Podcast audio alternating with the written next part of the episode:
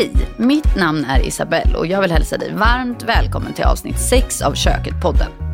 Idag träffar jag Sveriges vegodrottning Siri Barje och det blev ett superfint samtal om livet, maten och mer därtill. Blir du sugen på något av recepten vi pratade om i programmet så hittar du alla recept på köket.se koketpodden. Nu kör vi igång!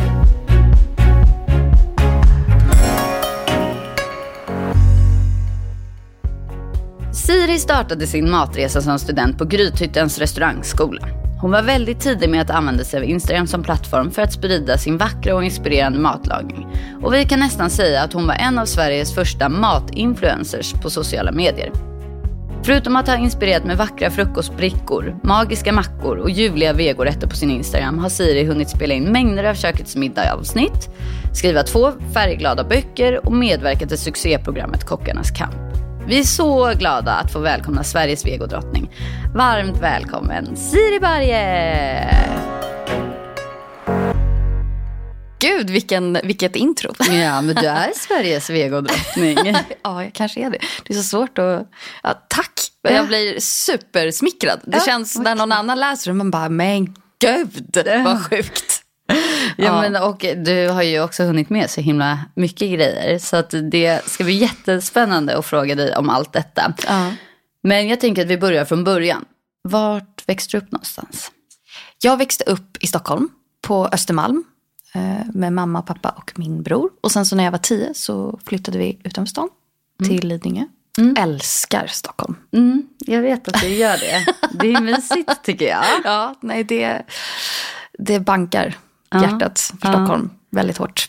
Hur såg matlagningen ut i ert hem under din uppväxt? Väldigt viktig. Mm. Enormt viktig. Mm. Och väldigt, eh, väldigt mycket kopplat till glädje. Mm. Eh, jag har aldrig någonsin, vill minnas att mina föräldrar någonsin, vi kom hem eh, och var så här, åh, så nej nu måste vi laga mat. Eller, åh, utan det var all, alltid väldigt eh, trevligt. Mm. Mamma och pappa, jag tror att det här byta som man gör, nästan alla gör nu för tiden, det här att man byter det lilla köket och flyttar ut i, i det stora vardagsrummet eller mm. matsalen. Det gjorde mina föräldrar alltså 95. Mm. För att vi lagade så mycket mat och så byggde de en stor köksö. Mm. Och det har jag enormt fina minnen från. När vi, liksom, vi lagade mycket mat. Mm. Och vi fick vara med. Inte att man men man var med. Jag minns att jag var med och handlade när man satt i kundvagnen. Så gick vi alltid till Coop på Östermalmstorg. Och då fick jag alltid, när vi kom in genom eh, dörren, fick jag alltid en rå champinjon. mamma. Jag kanske inte fick det varje gång. Men jag, jag har ett, uh. alltså, det är ett sånt minne. Liksom, uh. som, uh, och du gillade det då när du var ja, barn? Ja, det gjorde jag. Nej, men så, väldigt mycket stort matfokus när jag mm. växte upp. Vad Absolut. fint att det var just kopplat till så mycket glädje. Det måste ju ha byggt dig, tänker jag, och ditt nuvarande intresse också väldigt mycket. Absolut. Eh, vad fick ni för mat då? Vad åt ni? Väldigt blandat. Mycket husmanskost. Mm. Blandat med, alltså min mamma är uppväxt i Värmland med mm. Eh, verkligen så här husmanskost. Fläsk, löksås åt vi jättemycket. Mm. Eh, strömming, pannbiff, sjömansbiff, rårakor. Mm. Eh, men också så här, min mamma jobbade som au pair för en fransk familj när hon var ung. Mm. Och då fick hon mycket fransk mat. Så aioli med så här ugnsgrillad kyckling, klyftpotatis, mm. potatisgratäng, alltid sallad med dijon, ja, men haricot tomatsallad. Väldigt mycket grönsaker. Mm. Och pappa kunde liksom så här, det minns jag också. Pappa var väldigt intresserad av japansk mat. Mm. Han jobbade i Japan, eh, turnerade där när, han, när typ min lillebror föddes. Och då fanns det en superstor eh, så här, asiatisk matbutik som låg på Vasagatan, korsningen Kungsgatan, Vasagatan. Mm. Och där, pappa gick alltid dit, vi handlade massor med grejer. Så, så här, pappa kunde ha så här, vietnamesisk middag. Mm. Och så dukade han så satt vi på soffbordet. Ja. Så att vi satt liksom, och så åt vi mycket, så här, vi åt mycket sushi. Pappa mm. gjorde sushi hemma, sukiyaki, mm. som är en sån japansk hotpot. Det var den liksom, födelsedagsmiddagen som man alltid valde. Mm. Så enormt blandat. Låter som ni var ganska tidiga med den typen av influenser också då. Kanske inte just sushi men alltså ja, men jag tror det. maten. Ja, men jag tror, alltså pappa var väldigt, pappa är väldigt eh, okonservativ. Mm. om jag, det är faktiskt så jag skulle beskriva honom. Han är väldigt så här, lyssnar typ aldrig på gammal musik, han vill bara, mm. bara framåt. Mm. Sen blev det ju liksom, ibland, pappa gjorde, kommer ihåg, gjorde någon lasagne som jag bara så här, alla bara, men vad är det här? Mm. pappa, det här är inte bra. Men det var väldigt sällan. Men det var kul också för både mamma och pappa lagade mat. Ja, mysigt. Mm. Väldigt mycket inspiration låter det som. Absolut. Mm. Enormt mycket. Jag har ju fått allt av dem. Mm. Skulle jag säga. Men när visste du att du ville jobba med mat? Oj, det vet jag inte. Men jag minns ju, då bodde vi fortfarande kvar i stan så jag måste ha varit kanske åtta. Mm. Och då hade vi ju kokböcker. Då hade vi, det finns en um, Stockholmskrog som heter PA och Company. Både min mamma och pappa jobbade på Dramaten när jag mm. var ung. Eh, när jag var ung, när jag var barn. Eh, så pappa var ju mycket på PA. Mm. Så jag tror att den boken kom så 94. Den mm. hette Rocky Food. Det var samarbete med H&M. Mm. Alltså så oklart. Ja, eh, som var så här mjukband, ganska stor. Och den kokboken älskade jag. Alltså jag läste den typ varje dag. Jag minns att pappa en gång kom hem och bara Siri, nu ska vi laga vad du vill i hela boken. Och då valde jag asiatisk torsk som, vi, som vi lagade. Och jag minns det så starkt.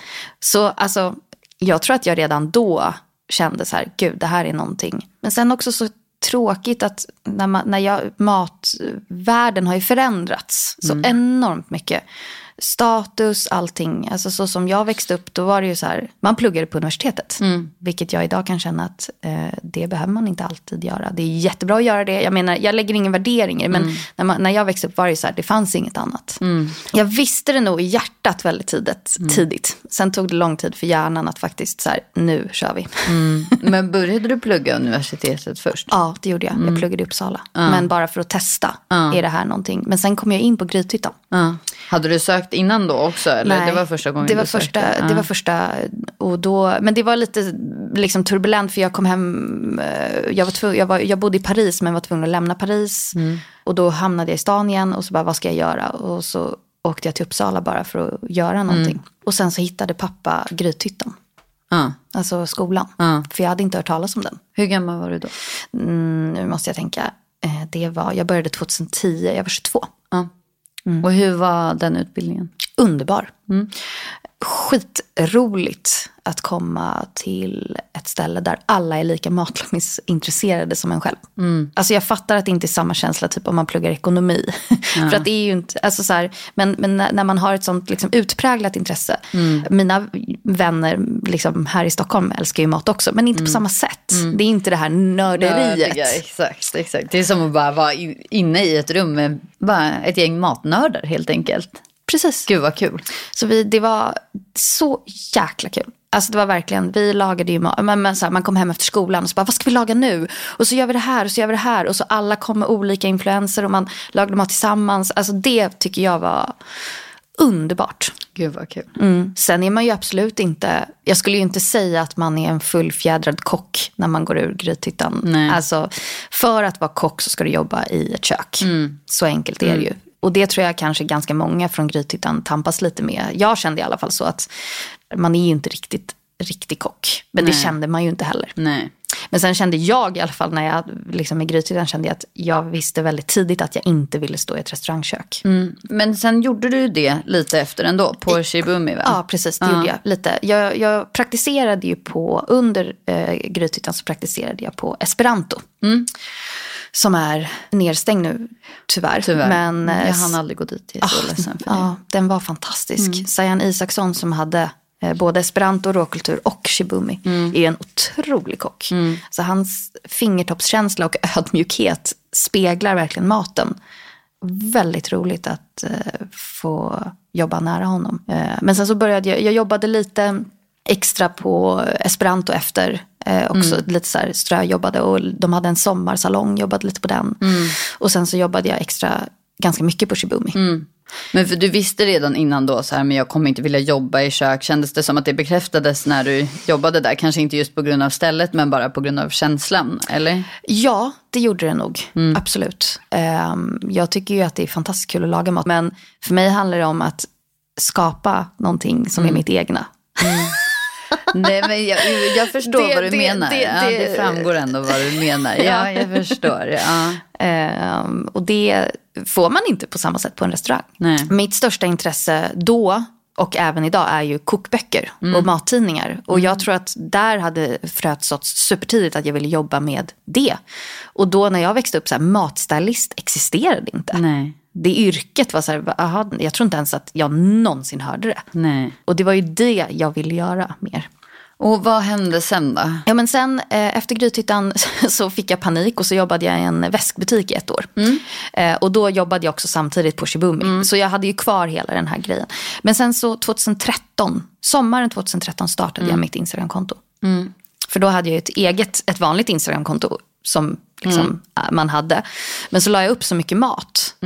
Och så kände jag, nej men vadå, det är ju kul, vi provar. Och det var ju ingen som gjorde det. Nej, men det var, jag sa ju det där i introduktionen. Ja. Att du är ju en av Sveriges första matinfluencers. Eller matinspiratörer på sociala medier. Hur började det? Eller var, gjorde du bara det som du var så här, det här tycker jag om och så här, det här lägger jag ut. Eller hade du någon tanke eller någon plan eller något sånt? Alltså jag hade ingen plan. För Instagram var ju inte det Nej. det är idag. Instagram var ju en, en nöjesapp. Alltså det fanns ju inte i mitt huvud att man skulle tjäna pengar på det här en gång i, alltså en gång i framtiden. var ju bara så här, va? Det, ju, det var som en bilderdagbok. Det var som en receptbank. Jag hade ju en eh, matblogg som jag startade 2010. Och den höll jag ju hemlig för att jag tyckte att det var jobbigt att liksom, det, jag skrev bara för mig själv typ. Och så tänkte jag, ja, men jag gör på Instagram istället, det blir som en förlängning. För jag har också alltid skrivit dagbok. Och Instagram är ju en dagbok i ett mindre och kortare format. Så jag hade ju noll tankar. Jag la bara upp det jag ville och så, så började jag ju tänka, ja men jag tror inte ens att jag tänkte, ja men det här kanske blir ett CV en gång i framtiden. Utan jag la bara upp mat jag lagade.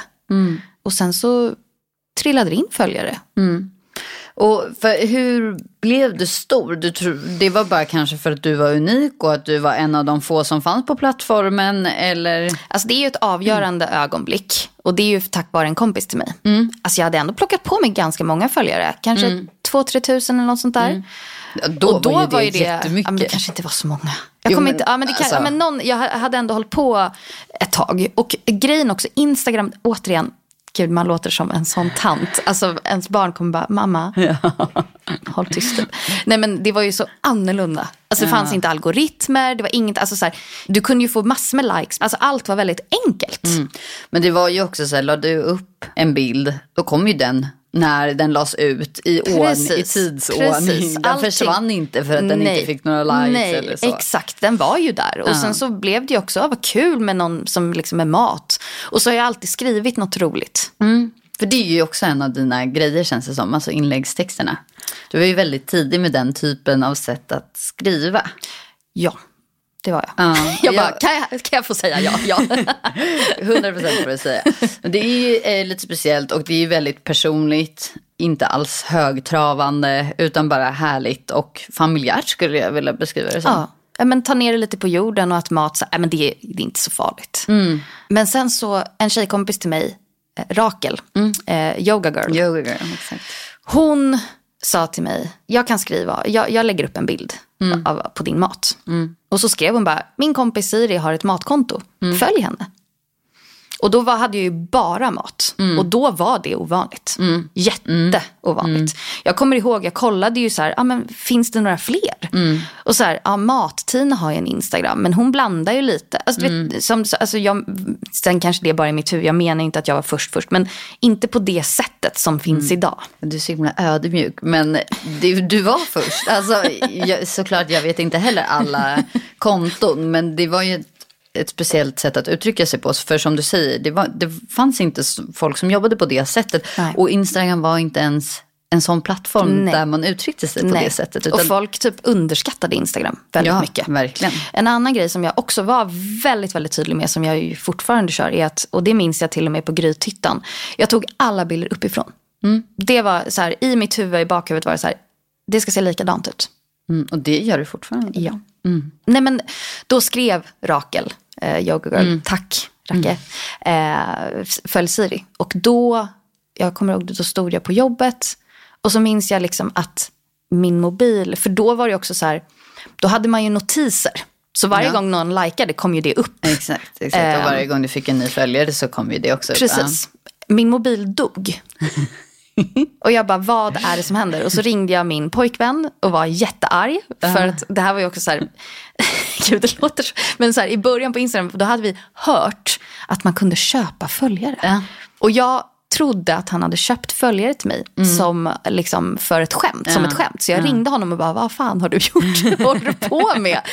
Men då var det ju att Rakel hade skrivit om mig. Och då fick jag 10 000 följare. ja, och då var ju det hur mycket som helst. Alltså det var så mycket. Jag var ju alltså, jag var i chock. Ja. Och sen så bara rullade det på.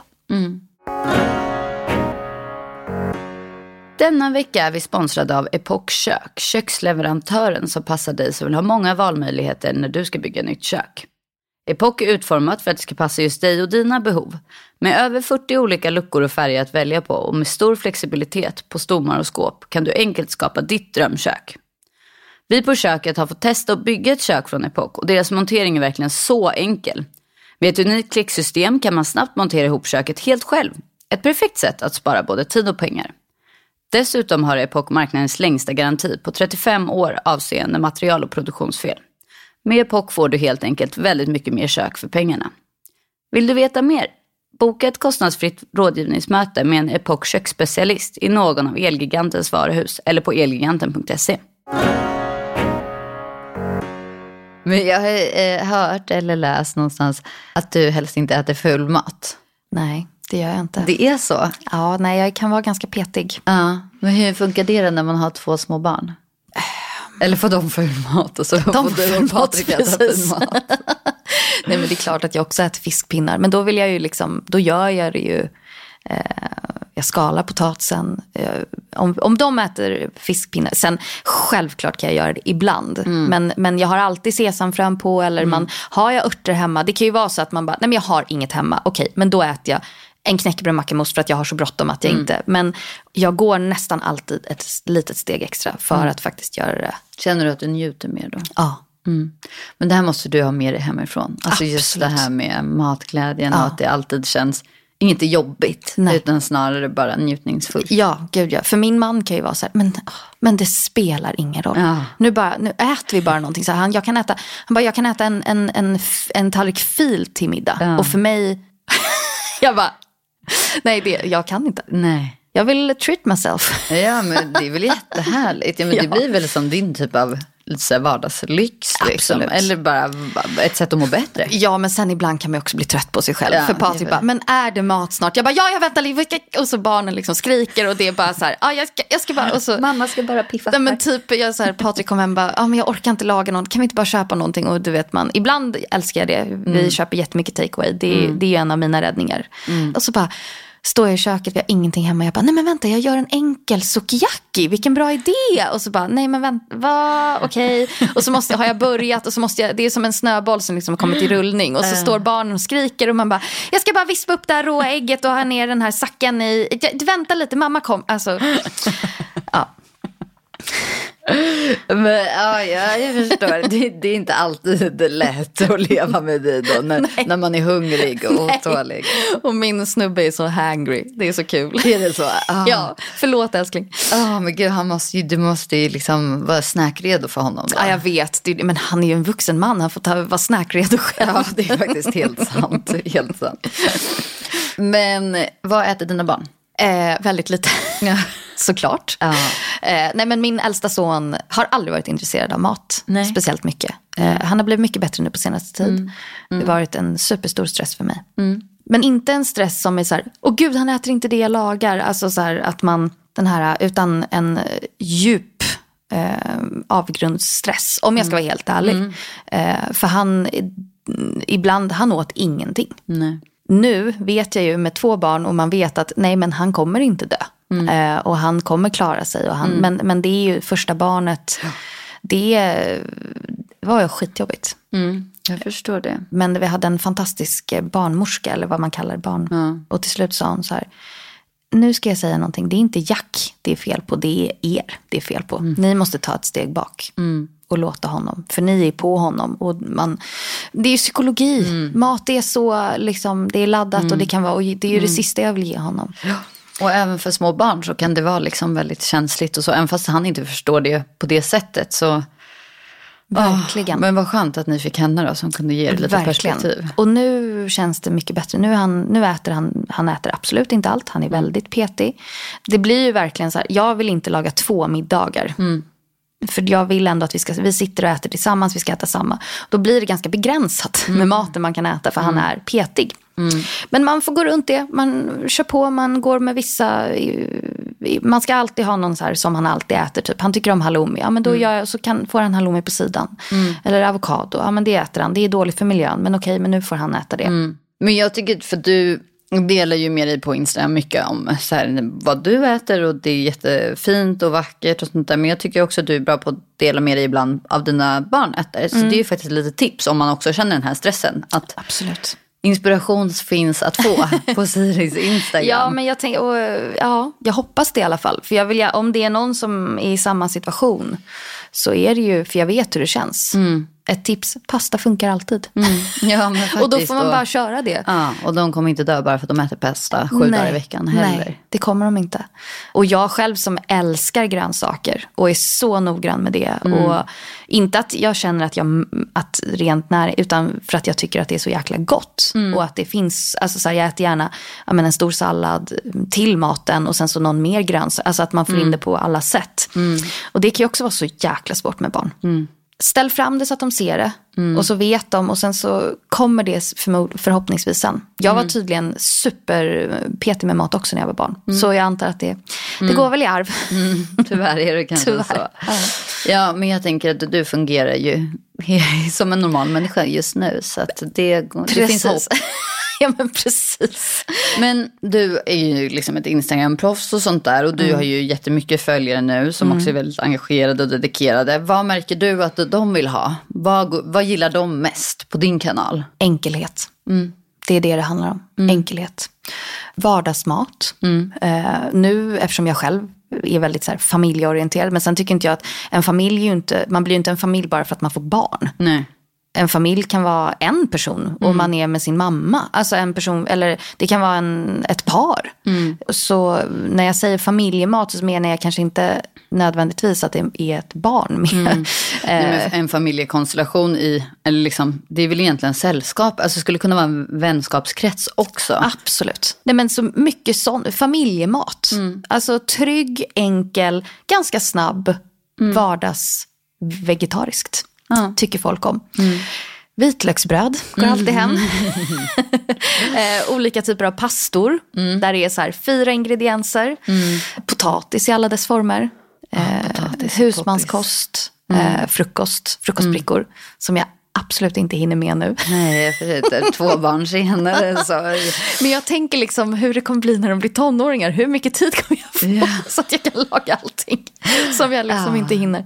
Men eh, sen tycker ju väldigt mycket, många om, men det hinner jag ju inte, men när man gör eh, matlagningsstories. Mm. För det var jag också ganska tidig med. Mm. Kan man får följa med liksom på en hel eh, resa. Det var länge sedan du gjorde det nu faktiskt. Nu när du säger det. Och det är ju för att det är mycket barnsnack mm. i bakgrunden. Mm. Och jag pratar ju alltid. Mm. Och då blir det att, så här, vad gör och, och så blir man avbruten. Och då tänker jag alltid så här, ja, men det, det kanske blir så, det blir så stök. Det blir, för jag är ganska stökig i köket mm. hemma. Mm. Och det visade jag också väldigt tidigt. Och det älskade folk. Folk bara, men gud. Ja, det, är inte så tillrätt, liksom. ja, det är inte så tillrättalagt. Och man visar, oj här var det diskhon och här var det lite stökigt och man, man kör lite. Mm. Men jag kanske ska göra mer sånt. Jag älskar att göra det. Mm. Det är jättekul att titta på. Ja, men, och för att jag tycker själv om att titta på det. Ja. Väldigt, väldigt mycket. Ja. Jag älskar Instagram. Ja. Det är ju det roligaste med mm. jobbet. Mm. Att man får fixa, ja, men som med kökets middag, att man får lägga upp och laga och tänka och fixa. Alltså det är ju det roligaste som finns. Mm. Om vi pratar lite mer om eh, din mat och det mm. du äter. Du mm. äter ju väldigt mycket vego. Ja. Nästan bara. Ja.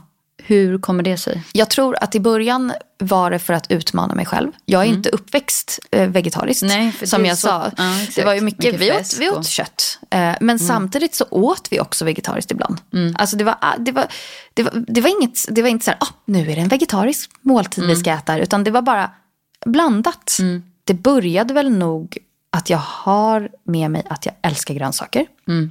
Men att också att utmana, att, att jag vill utmana mig själv. Jag vill prova. Mm. Mm. Och sen så har det ju sakta blivit mycket mer kopplat till ja, men, klimat. Alltså, så när jag, och det, börj, det började ju med Instagram. Kanske också att jag kände så här, ja, men jag vill nischa mig. Ja, men alltså, för när du startade din Instagram som var ja, men, åtta år sedan. Då, Ja. då var ju inte, alltså, Nej, alltså- alltså- vego fanns ju inte på Nej, det sättet. nej, jag nej. tycker bara de senaste åren så har ju liksom det blivit så mycket mer normaliserat. Alltså vego, det är inget konstigt. Man Nej. frågar alltid, ska man ha gäster? Är det någon som inte äter kött? Det gjorde man ju liksom inte för åtta år sedan. Nej. Det var faktiskt också, ska jag säga, min kille som uppmuntrade väldigt mycket till att vi skulle börja. För han är också vego. Nej, det är han inte. Men han är väldigt så här, han bara, nej men gud. Det är klart att vi ska äta mer vegetariskt. När man snarare från alla andra killkompisar bara, va? Nej, vadå? vadå? Vad menar du? Ska vi äta vegetariskt? Nej, jag tar med mig prosciutto. Man bara, ah, som att det kommer bli mätt. Mer mätt av en lövtunn skiva skinka. Nej, men eh, så det är faktiskt också ett cred till Patrik. Och sen så hamnade jag, så började jag ju göra vegetariskt. Sen kunde jag ju inte sluta på Instagram. Så det bara fortsatte. Ja.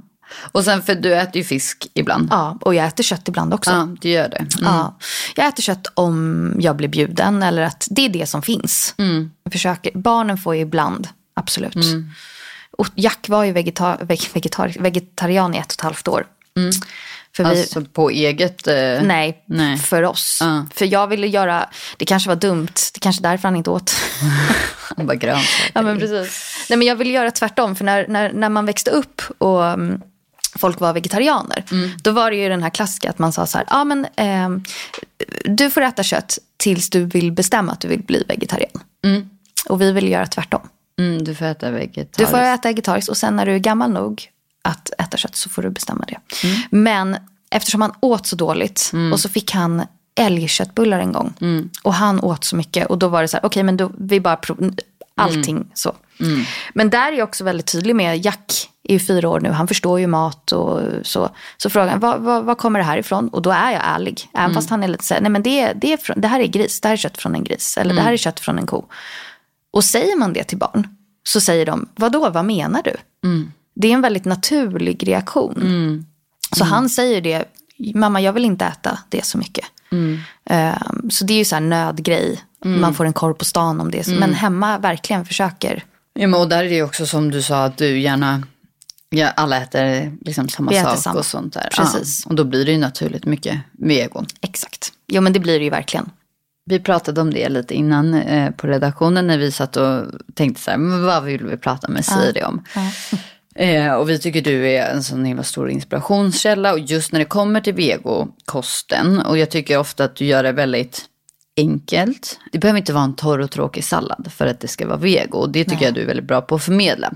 Men sen finns det ju så himla många eh, där ute som fortfarande är så här vegetariskt. Alltså som du säger så här, men jag kan inte bli mätt på det. Eller så här, nej men det räcker inte för Nej, mig. nej. Kan du ge oss liksom några tips på, eller till de personerna, hur kan man få in mer vego i vardagen? Om det så är bara en dag mer i veckan.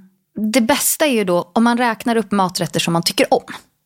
Om nu bara tänker högt, liksom, som, som jag, för så brukade jag göra med, med kompisar. Ja, men vad tycker du om att äta? Tycker du om att äta tomatsoppa med vitlöksbröd?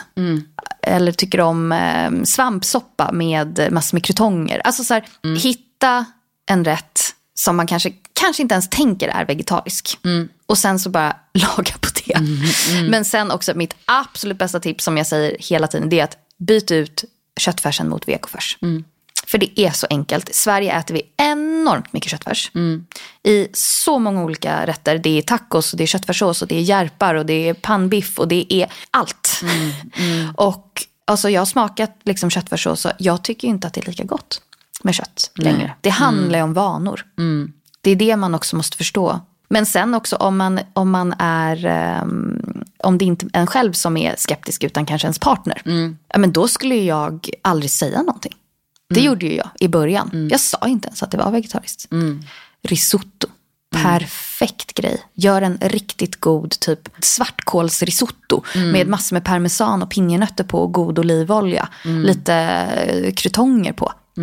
Men jag skulle inte göra sallad. Nej. Jag skulle inte kanske göra konstiga grejer. Mm. nu låter det så tråkigt men det skulle jag verkligen inte göra. Men jag tror att det här är som du säger att man ska så här, utgå från sig själv. Så här, vad, vad gillar man? Eh, och sen så fokusera på de grejerna. Istället för att ge en person som är anti-vego så här, en tofu-sallad. Eller någon så här mapo tofu som känns liksom jätteläskig för den personen. Så långt ifrån. Man ska gå så nära du kan.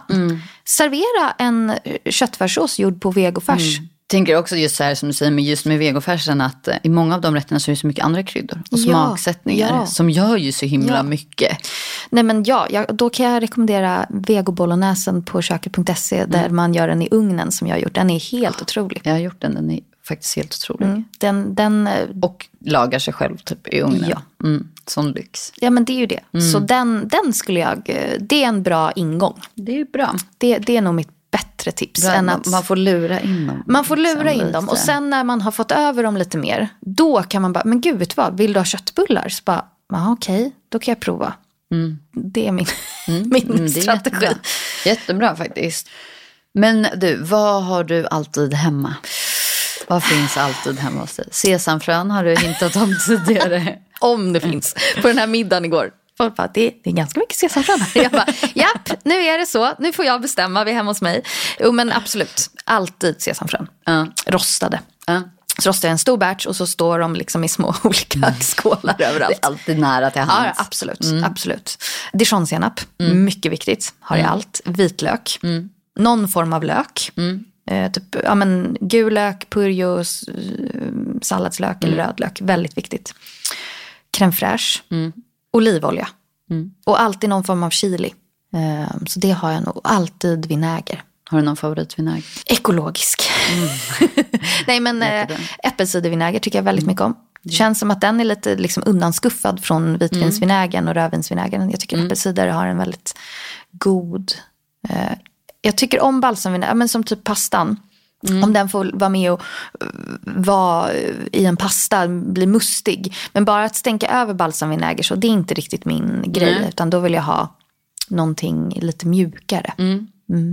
Men sen har jag alltid en, det kan jag också tipsa om. Gud, eh, jag har alltid en flaska med färdig dijondressing. Som jag gör. Så gör man dijondressing så häller man ner den i en liten flaska så har man den i kylen. Det går så lätt att göra en sallad då. Du bara bryter lite sallad, hackar upp någon grönsak och sen så kan du bara hälla på lite dressing. Så dressingen är ju så viktig. Dressingen är allt. Utan sallad är inte en sallad. Utan dressing är en sallad, inte en sallad. Nej, jag är helt med dig på den.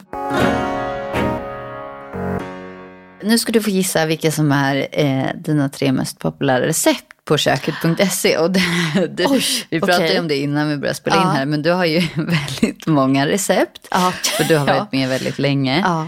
Alltså vill man ha vego-inspiration så är det ditt namn man ska söka på. på Ja, köket. nej, men jag, jag gör själv det faktiskt ibland. för man, bara, för jag hamnar ju också, man hamnar ju i den där, ja men gud vad ska jag laga till middag? Så kan jag bara, men gud jag lagade någonting riktigt gott för tre år sedan. Och så bara kan man, det, det är faktiskt ja, sjukt att man googlar sig själv. Ja, fantastiskt. yes. Ja, okej. Men det är tre stycken eh, recept. De Ja. är helt olika varandra. Okej. Eh, ja, gissa på. Ehm, kanske halloumi stroganoffen. Nej, det var en väldigt bra gissning. Okej. Tyvärr. Inte den. Jo, en, men det är ganska otippat att jag vet men jag bara, eh, grönkålspajen. Ja. Visst är det det? Ja. En julpaj? ja, den är så himla, himla populär. Jag undrar, det var ett par år sedan du gjorde Ja, den den. är supergammal. Ja, men den är jättefin. Ja, och men den, den är, är- väldigt eh, julkompatibel. Precis, och väldigt bra för en ve- vego. Den är bra att ta med sig. Mm. Den är enkel att förbereda och den är väldigt god. Ja, men perfekt till lite knytis. Som du säger. det är ju Precis. med getost och valnötter. Då. Ja, den är, mm, gud vad gott. Det kanske det jag ska laga till middag. Ja, Oh. Gud vad gott. Okej, eh, men kanske den här svarta böntaco. Nej. Nej. Men gud vad svårt, jag har ingen aning. Nej, men jag förstår det. Ja, men det. Du har ju 400 gissningar kvar ungefär. Vi får hålla på hela kvällen. Exakt. Eller hela dagen. Ja, men jag kan börja. Det är en, den som är mest populär, Ja. som är ditt eh, eh, mest populära recept Ja. ever. Det är faktiskt en ljummensallad med rostad sötpotatis, fetaost och kikärtor. just. Den ja. Gud, just det. Den älskar folk. Med den här majon. Ja, Och, det är en eh, chilimajo tror jag. Mm, det, är det. Det är det. Jag har gjort den själv, den var helt outstanding god tyckte jag. Vad kul. Ja. Jag Gud, bara, vad för det är roligt. inte så jättemycket ingredienser så jag bara, Nej. men hur speciellt kan det vara? Men Ja. den, den var magisk. Okej, vad kul. Ja. Och sen så är det tredje receptet är en krämig snabb tomatpasta. Ah, ja, men det, det, känns, det känns rimligt. För det är, ju min, det det är min du. favoriträtt. Ja. ja, men det känns ju du. Ja, absolut. Och du gjorde ju nu här nyligen också den här äh, tomatpastan med balsamico. Mm, den den såg helt otrolig ut. Ja, men den var så god. Och med rucola. Tack, vad kul att höra. Ja, ja, men det är alltid kul och det är alltid kul att veta så här, vad, vad tycker folk är intressant att se. Liksom. Verkligen. Och framförallt vad kul att det var så skilda. Ja, Att det inte bara verkligen. var typ pasta. Nej, exakt. Eller bara sallad. Nej men precis. För då, men då kanske det är ett recept på hmm, att vego börjar slå igenom. Du är ju, känns som en kvinna i ständig rörelse och du alltid har grejer, spännande grejer på gång. vad händer härnäst? Ja, alltså framför allt just nu en avgörande stund i mitt liv är att båda mina barn går på förskola. De började nu i höstas. Mm, lyxigt. Extremt lyxigt. Mm. Det är inte jättetajt mellan dem men det känns som att jag har varit mammaledig i fyra år. Faktiskt. Jag förstår det. Ja, du har ju också varit mammaledig eller gravid eller spädbarn. Ja, precis. Typ Och pandemin. Ja. Så det har bara varit... Nej, men så, så jag känner mer att... eh, Jag känner mig kanske lite... Jag är väldigt glad att eh, jag har kökets middag och köket. Liksom, och, för det känns som en trygghet. Och det är bara, men jag är väldigt glad att kanske sätta mig och spåna, fundera. Jag skriver lite på en ny bok. Eh, utveckla podden. Jag vill utveckla Instagram mycket mer. Man gör lite, lite blandat. Men jag ser fram emot att laga mer mat. Eh, jag ska avsluta, eller vi ska avsluta eh, med fem snabba frågor. Okej, Mm. kul. Eller det behöver inte gå snabbt, Nej. fem frågor Fem som frågor. alla får. Ja. Vad skulle du välja som sista måltid i livet? Jag skulle välja det som vi åt när jag växte upp eh, på helgen. Då, eh, ugnsgrillad kyckling. Och mamma eller pappa skulle, eller så här, mamma gör kycklingen och potatisen, pappa gör aiolin. Och dressingen och salladen. Det skulle jag äta. Härligt. Barndom. Och vad landar aldrig på din tallrik? jag skrev det här häromdagen faktiskt. För jag tror att jag ändrar mig ganska mycket. Ja. Eh, just nu så tycker jag inte om hårt stekt broccoli och brysselkål. Okej. Mm, så här riktigt hårt stekt när det nästan blir sotad. Nej, det tycker jag inte om. Nej. Okej. Det är inte, och sen tycker jag inte om sötpotatismos. Nej. Det skulle jag aldrig... ehm, jag tycker om sötpotatisfries och typ så rostade i ugnen. Men bara så här sötpotatissoppa och sånt, nej det är inte min... Nej. Det är lite för sött för mig. Ja, jag förstår. Jag förstår. Eh, vilken är din favoritråvara? Svartkål. Ah. Jag älskar också svartkål, det är jättegott.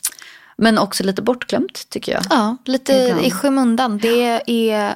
Nej men alltså det, den har en sån otrolig eh, variation. Man kan äta rå, man kan äta eh, alltså både sallad eller som i en pesto. Eller man kan äta den i en soppa, man kan äta den i en paj, eh, svartkålspasta, svartkålsgryta, stekt svartkål med olivolja, stekt svartkål med smör, gräddkokt svart. Alltså det, det, det är det bästa som finns. Och vem skulle du helst vilja äta middag med, död eller levande? Jamie Oliver. Hans sätt Ah. med mat och hans sätt att skriva kokböcker. Han har verkligen han har påverkat mig mer än någon annan. Men han är fantastiskt duktig kock och så verkar han ju vara en jättehärlig person. Ja, verkligen. Och en uh, nytänkande person. Det gillar jag med honom. Och så sista då, frukt i mat, ja eller nej? Eh, jag svarar absolut ja.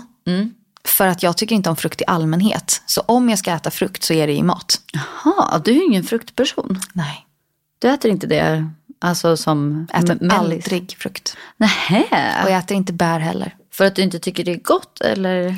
Nej, jag tycker inte det är gott. Jag tycker det är gott i en sallad med typ äd- ädelost. Alltså någon eh, feta. Alltså, Det tycker jag är jättegott. Persika med burrata-sallad.